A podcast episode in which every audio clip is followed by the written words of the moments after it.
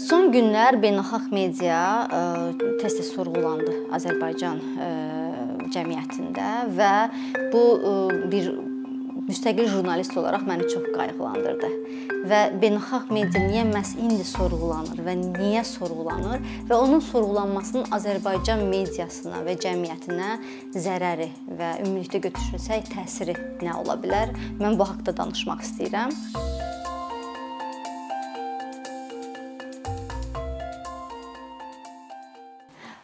Baxın, biz deyirik ki, izləyici mütləq jurnalistin mənbəsi haqqında maksimum informasiyaya malik olmaq istəyir. Yəni bu mənbə kimdir və bu mənbəyə nəyə görə inanmalıdır? Onun təcrübəsi nədir? Niyə bu məhz bu insan bu hadisə haqqında, bu mövzu ətrafında danışır bizə? Məsəl üçün mən indi jurnalistikadan danışıram, jurnalistikanın təməl prinsiplərindən danışıram. Sual yarana bilər ki, biz vüsailəyə nəyə görə inanaq? Bəlkə izləyicilər üçün maraqlı olar. Mən qısa bir arayış verim ki, mən 15 ildir jurnalistika ilə məşğulam. Həm qəzet, həm radio, həm də video jurnalistikasına məşğul olmuşam və olmaqdayam. Müstəqil jurnalist olaraq çalışıram. Heç bir quruma bağlılığım yoxdur və üstəlik də həm də jurnalistikanın tədrisi ilə məşğul oluram. Məni qayğılandıran bir mövzu ətrafında danışmaq istəyirəm. Bu son zamanlar müzakirə mövzusuna çevrilmiş beynəlxalq mediada doğru fakt və e, faktların həqiqiliyi mövzusudur. Bunu e, bu nəyə görə müzakirə mövzusuna çevrildi? Bu haqqda az sonra danışacağam, amma əvvəlcə istəyirəm ki, e, jurnalistikanın biraz təməl prinsiplərindən danışaq. Elə ondan başlaya bilərik ki, ümumiyyətlə jurnalist instinkti nədir? Yəni jurnalist çox informasiya və bacardığı qədər, bildiyi qədər çox informasiyanı ötürmək istəyir izləyiciyə. Amma çox informasiya indiki dövrdə qavranılan kimi yox, yəni doğru və dəqiqləşdirilmiş informasiya olmalıdır.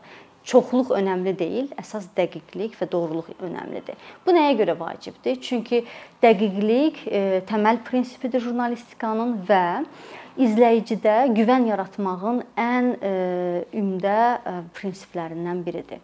Yəni izləyici çox maraqlıdır ki, jurnalist jurnalistin mənbəsi kimdir? Jurnalisti harda danışdırır və nəyə görə məhz bu mənbənin dediklərinə önəm verir? Elə o nədəndir ki, biz reportyor olaraq hər hansı bir insandan, şəxsdən müsahibə aldığımızda onun mütləq statusunu müəyyənləşdiririk. Yəni bir coğrafiyaşünasdırsa və onunla biz müzakirə edirik ta ki Azərbaycanın relyefini və biz mütləq qeyd edirik ki, nəyə görə bu insanı danışdırırıq? Yəni bu adamın təcrübəsi nə qədərdir ki, mənim izləyicimə o etibarlı mənbədir ki, hər hansı bir arqument gətirsin istənilən mövzuda. Və bu dəqiqlik belə sadə üsulla alınmır. Yəni dəqiqliyə çatmaq üçün, doğruluğa çatmaq üçün double check, yəni 2 dəfəyə yoxla, triple check hətta 3 dəfəyə yoxla ifadələri elə belə yaranmayıb. Çünki jurnalistlər bir informasiyanı bir mənbədən aldıqdan sonra onu ən azı 2 və 3 mənbədən daha təsdiqləməlidirlər. Dəqiqlik və doğruluq prinsipi jurnalistika prinsiplərindən yalnız biridir. Yəni burada qərəzsizlik də var, həmişə eşitdiyimiz vicdanlıq da var, operativlik də var. Düzdür, bunu çox vaxt eşidirik, amma bəzən elə olur ki, jurnalistlər bu prinsipləri çox rahatlıqla poza bilirlər. Nəyə görə bu prinsiplərin üzərində dururuq? Çünki biz media orqanı olaraq ya jurnalist şəxsən bütün bu etibarlılığını e, sırf bu prinsiplərə əməl etdiyində qazanır. Misal üçün, hadisə yerindən xəbərləyən jurnalistə izləyicinin inamı daha çoxdur, nəinki ofisdə, kompüter arxasında kimlərləsə telefonla danışan. Niyə? Burada sual yaranır. Çünki şəxsən görür o insanı. Jurnalist təsdiqləyə bilir ki, bax mən bu insanla realda tanışdım, onu gördüm, dinlədim. Onun əlindəki bütün sübutlar mənə aydın oldu və əziz izləyicim, indi mən bunu sənə çatdırıram. İzləyici çox maraqlıdır. Yəni e, bilməkdə ki, bax e, jurnalist bu faktları necə topladı? Məsəl üçün araşdırmalar edilir. Nəyə görə faktlar və arqumentlər qoyulur? Nəyə görə araşdırma çox uzun sürür bəzən? Çünki jurnalist onu e, xeyli vaxt sərf edir, xeyli enerji sərf edir və ta ki hər hansı bir rəqəmləri, hər hansı bir tutaq ki, bir bankın sahibkarını araşdırırsa, o səhmləri belə, hesabatları belə araşdırıb tapmalı olur. Bu sırf medianın və izləyicinin belə deyək, tələb etdiyi bir məsələdir. Və media bu prinsipləri izlədikdə, bu prinsipləri əməl etdikdə sorğulayan kürsüsündə oturmuş olur. Amma gəlin baxaq, bu prinsiplər qırılanda və yaxud da izləyicidə sual yaranırsa, hətta bir sual belə yaranırsa ki, görürsən jurnalist bu adamı hardan tapdı və yaxud da telefonla danışıb Hardan bilir ki, bu adam sözün düzünü deyir, həqiqiliyini hardan bilə bilir? Əgər bu sual e, və şübhə yaranırsa izləyicidə, bu deməkdir ki, təməl prinsiplər e, qırılır. Yəni artıq media sorğulayan kürsüsündən dəyişir yerini sorğulanan kürsüsünə əyləşir. Və e, bu nəyə görə bu məsələni indi aktualdır danışmaq? Çünki bayaq öndə də qeyd etdiyim kimi, sentyabr sonundan başlayan e, müharibə zamanı artıq 1 aydan çoxdur. E, Azərbaycan haqqında beynəlxalq mediada çoxlu məqalələr yazıldı, xeyli materiallar e, nəşr edildi və orada e, bir e, Azərbaycan cəmiyyəti tərəfindən suallar doğuran bir məqam var idi ki, muzlu döyüşçülərin Azərbaycana cəlb edilməsi. İndi mən bunu belə konkret olaraq incələyəcəm bizim izləyicilər üçün ki, burada doğru olan nədir və yaxud da nəyə görə cəmiyyət bunu sorğuladı? Nəyə görə tutaq ki, beynəlxalq mötəbər mediaları həmişə hə, onlar yayırsa bu məlumatı demək doğru yayır deyə qəbul etmədi, amma başqa cür bu dəfə qəbul etdi. Gəlin misallarla baxaq. Bu təməl prinsiplərin işləklik mexanizminə baxaq. Dəqiqlikdən danışırıq və bayaq qeyd etdiyim kimi izləyici çox maraqlıdır ki, bu mənbəsi jurnalistin kimdir və mütləq jurnalist kimlə danışdığını və bu faktları ondan necə topladığını izləyiciyə bəlli etməlidir öz öz belə deyək materialında. Amma bəzən elə olur ki, e, indi bizim beynəlxalq mediada e, sırf sorğulanan məqam o idi ki, muzlu döyüşçülərin gətirilməsi Azərbaycana sırf anonim mənbələrə istinadən e, mediada yer almışdı məsəl üçün sentyabrın sonu və oktyabrın ilk 10-luğun 10 günlüyündə onlar əsasən anonim mənbələrə üstünlük verirdilər ki, Suriyadan olan kimlərisə danışdırıblar. Bu məsələyə qayıdacağıq və mən jurnalistikada anonim mənbələrdən istifadə ehtiyacı nə zaman yaranır? Yəni əgər bu ehtiyac yaranırsa, biz jurnalistlər nələri gözə almalıyıq ki, biz o sualları minimuma endirək, o sorğulamanı minimuma endirək. Mən öz təcrübəmdən istəyirəm misal çəkim. Mən Kolumbiya Universitetində təhsil aldığım müddətdə biz təhsil üzrə belə araşdırma edirdik və materialımızda Meksikadan olan az yaşlı və onun atası sənədsiz belə deyək, qaçqınlar idi və bildiyiniz kimi Amerikada immiqrant polisi daim reydlər keçirir və bu insanları ya ölkələrinə deportasiya edir, ya həbs edir. Belə bir təhlükələrlə üzləşirlər. Və bizim mənbələrimizdən ikisi anonim olmaq istirdi. Baxmayaraq ki, biz onlarla şəxsən görüşmüşdük. Biz hər ikisini şəxsən danışdırmışdıq. Yəni atadan qız haqqında soruşmamışdıq, qızın özünü tapıb danışdırmışdıq atasının razılığı ilə. Bundan əlavə atasının recordingi səs yazısı var idi. Amma bizdə tərəddüd var idi ki, biz bu anonim mənbədən istifadə edə bilərikmi? Amma biz əminik axı bu insan var. Əminik axı bu insan danışır bizə. Niyə bu tərəddüd var? Çünki bizim professorumuz Samuel Friedman o bizə bir qadağa qoymuşdu ki, mənə anonim mənbə ilə gəlməyin, əzizlərim, yəni. Anonim mənbə olsa yazınız publish olunmayacaq, yəni çap edilməyəcək. New York Times-ın illər uzunlu yazarı olmuş bir professor idi və təbii ki, bunun nədənləri var idi. Amma biz yenə də ona cəhd etdik ki, izah edək. O bizdən sübutlar istədi səs yazısını istədi, şəkilləri istədi, həqiqətən orada olduğumuz insanı gördüyümüzlə bağlı sübutlar istədi və yalnız bu sübutları əldə etdikdən sonra o bizə bu anonim mənbələri saxlamaqla e, bu az yaşlının e, sığınacaqda qalmaq hekayəsini və atasının e, və birlikdə ailənin çətinliklərini işıqlandırmağa imkan verdi. Yoxsa o icazə verməzdi, yəni o sübutlarımız olsa olmasaydı. Nəyə qeyd etmək istəyirəm? Yəni anonimlik burada çox vacib iki məqam var. Anonimlik izləyiciyə anonim qalan tərəfdir. jurnalistə anonim qalmalı deyil. Ta ki Associated Press-dir, hansı ki Amerikada jurnalistikanın bibliyası sayılır onların stilləri AP Style Book deyilir. E, belə deyək, Associated Press stil e, kitabı, medianın stil kitabı və media prinsiplərini belirləyən qaydalardır. Onlar belə yazırlar ki, yəni jurnalist mütləq çalışmalıdır ki, mənbə ona belə deyək, özünü açıqlasın. Yəni jurnalist mütləq bilməlidir ki, kiminlə danışır o adam ona hardan ə, e, informasiya verir, sübutları nədir? Mümkün olduğu qədər onunla bərabərcə danışmalıdır. Yəni üz-üzə oturub biz sizlə necə danışırıqsa, o cürlə görüşməlidir və söhbət etməlidir. Ondan sonra hə, ə, e, başqa qaydalara çıxış e, etmək olar, başqa qaydalara keçmək olar. E, digər bir məsələ anonimliklə bağlı e, çox vacib məqam. Anonim mənbədən istifadə etmək jurnalistin ən son çıxış yolu olmalıdır.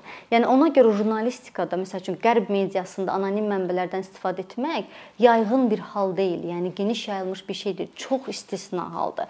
Bunun da qaydaları var. Yəni sən anonim mənbədən istifadə etmək istəyirsənsə, sübutların olmalıdır və bunu ən azından redaktor əgər çox həssas bir mövzuda hətta baş redaktora qədər gedib çıxmalı və müzakirə edilməlidir. Sənin həmkarın bilməyə bilər və bilməməlidir də ola bilər ki, sən konfidensiallığını və onun e, həyatı təhlükəsi varsa, onu qorumaq üçün mənbəni həmkarına deməyə bilərsən, amma redaktorun və baş redaktorun bunu mütləq bilməlidir. Ayrıca e, AP Style-dan danışdıq, Associated Press-in standartlarından danışdıq, e, danışdıq. 3 məqam var. Bir anonim mənbə mülahizə irəli sürməli deyil. Fəriziyyə məsəl üçün biz Azərbaycana gedəcəyik.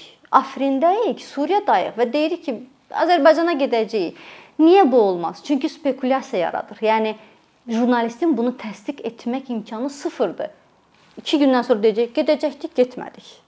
Olacaqdıq, olmadıq. Ta ki seçiləcəkdi, seçilmədi. Bu cür fərziyyələrlə anonim mənbə çıxış etməli deyil, fakt qoymalıdır ortaya.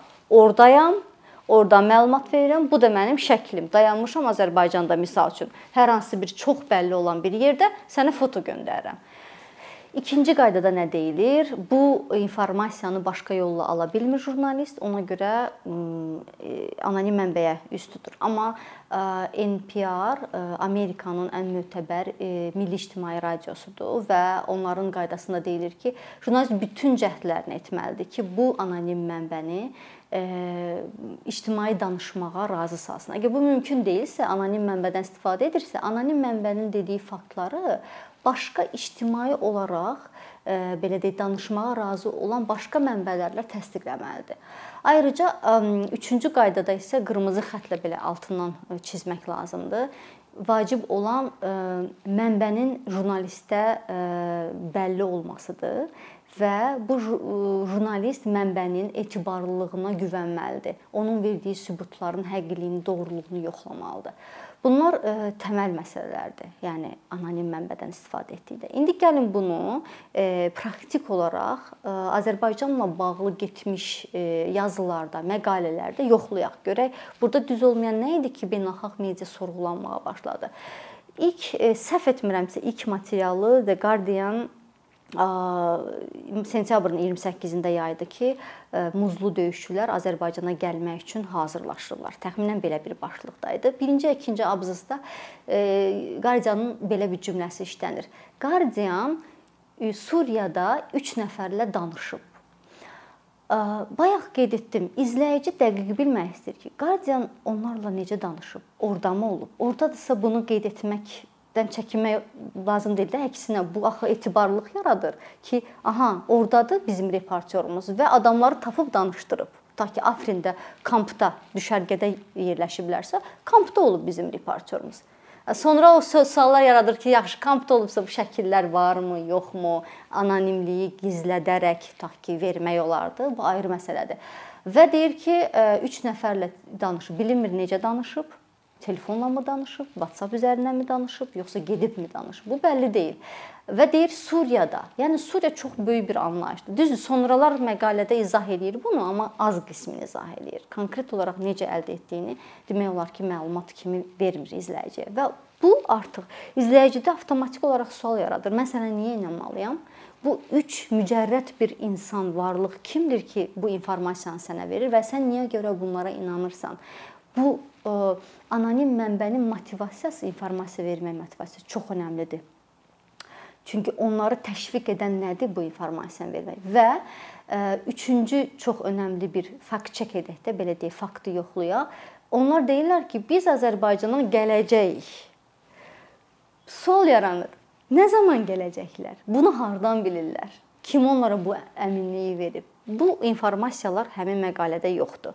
Düzdür, Washington Post ə, e, təxminən 15 gün yubanma ilə eyni e, yazını amma daha biraz geniş işlənmiş variantda e, təqdim etmişdi.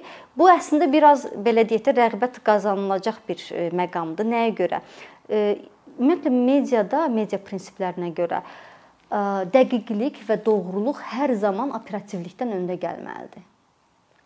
Ona görə mən düşünürəm ki, Washington Post bunları dəqiqləşdirmək üçün bəlkə də bu qədər zamana yol verdi. Yəni eybi yox. 2 həftə gec verirəm materialı, amma dəqiq verirəm materialı. Mən indi burada iddia etmirəm ki, mütləqdir ki, Washington Postun yazdığı məqalə muzlu döyüşlərlə bağlı çox dəqiq informasiyadır. Xeyr, mən buna əmin deyiləm. Amma e, Guardianın yazdığından daha dəqiq informasiyalar var, nisbətən informasiyalar var. Biz nəyə görə bunu indi müzakirə edirik və ümumiyyətlə nəyə görə bu bunu müzakirə etmək vacibdir? Mən nəyə görə qərara gəldim ki, bu mövzuda ə, e, danışım? Çünki Azərbaycan cəmiyyətində media çox kövrəkdir. Yəni illər uzunu 2000-lərin əvvəllərindən belə deyək, e, jurnalistlər, müstəqil və peşəkar jurnalistlər öz azadlıqları bahasına, hətta canları bahasına, hətta e, medianın etibarlı bir yer olduğunu izləyiciyə çatdırmaq üçün çalışıblar. Yəni buna görə həbsə gedənlər var. Buna görə hətta öldürülənlər var. E, buna görə e, təzyiqə məruz qalanlar var. Buna görə standartlarını güzəştə getmədiyinə görə media qurumları bağlanır Azərbaycanda. Yəni e, və bu media qurumlarında çalışan insanlar peşəkar və müstəqil jurnalistlər içimən daxil olmaqla biz hər zaman misal olaraq çəkirdik ki, beynəlxalq media standartları, qərb standartları. Və indi düşünün ki, bizim hər zaman güvənlər olaraq istinad etdiyimiz bir media prinsipləri indi bizə ehkam olaraq geri qayıdır ki, yəni deyirlər Bu idi sizin qərb standartlarınız. Bu idi sizin e, beynəlxalq medianız ki, indi e, faktı doğrulamadan verir, indi suallar yaradır, şübhələr yaradır. E, məhz buna görə indi vacibdir bizim cəmiyyət üçün bunu bilmək ki, yəni təməl prinsiplər e, təməl prinsipləri heç bir media orqanının siması müəyyən etməli deyil.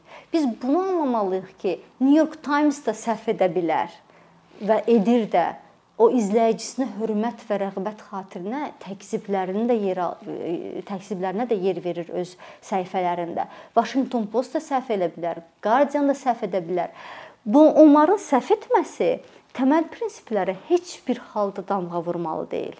Yəni indiyənə qədər baskılara məruz qalmış Azərbaycan jurnalistləri, e, hə, həbsdə qalmış Azərbaycan jurnalistlərinin media prinsiplərinə dayanaraq e, hərəkət etmələri e, dünən də doğru idi. Bu gün də doğrudur, sabah da doğru olacaq. Yəni hər hansı bir mötəbər bir beynəlxalq qurumun bir məqaləsində səhvə yol vermək doğrudur. Bunun cəmiyyətə, Azərbaycanın imicə zərəri var.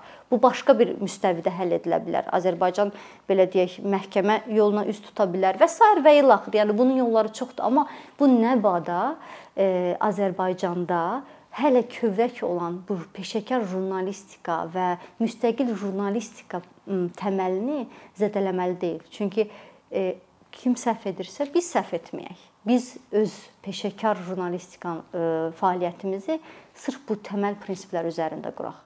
Müzik